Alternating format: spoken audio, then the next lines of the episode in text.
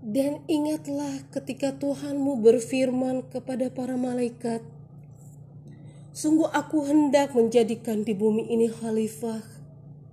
Mereka berkata, apakah engkau hendak menjadikan orang yang merusak di sana dan menumpahkan darah, sedangkan kami bertasbih memujimu, menyucikan namamu.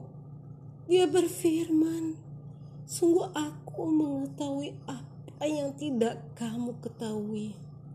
Dan dia ajarkan kepada Adam nama-nama benda semuanya. Kemudian dia perlihatkan kepada para malaikat. Seraya berfirman, sebutkan kepadaku nama semua benda ini jika kamu yang benar. Mereka menjawab, Maha suci engkau. Tidak ada yang kami ketahui selain apa yang telah engkau ajarkan kepada kami. Sungguh engkaulah yang maha mengetahui, maha bijaksana.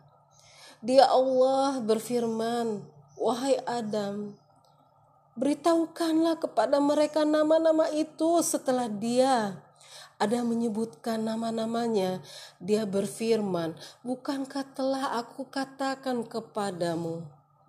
Bahwa aku mengetahui rahasia langit dan bumi, dan aku mengetahui apa yang kamu nyatakan dan apa yang kamu sembunyikan. Dan ingatlah ketika kami berfirman kepada para malaikat, sujudlah kamu kepada Adam. Maka mereka pun sujud kecuali iblis. Ia menolak dan menyombongkan diri dan ia termasuk golongan yang kafir. Dan kami berfirman, Wahai Adam, tinggallah engkau dan istrimu di dalam surga, dan makanlah yang ada di sana dengan nikmat sesukamu. Tetapi janganlah kamu dekati pohon ini.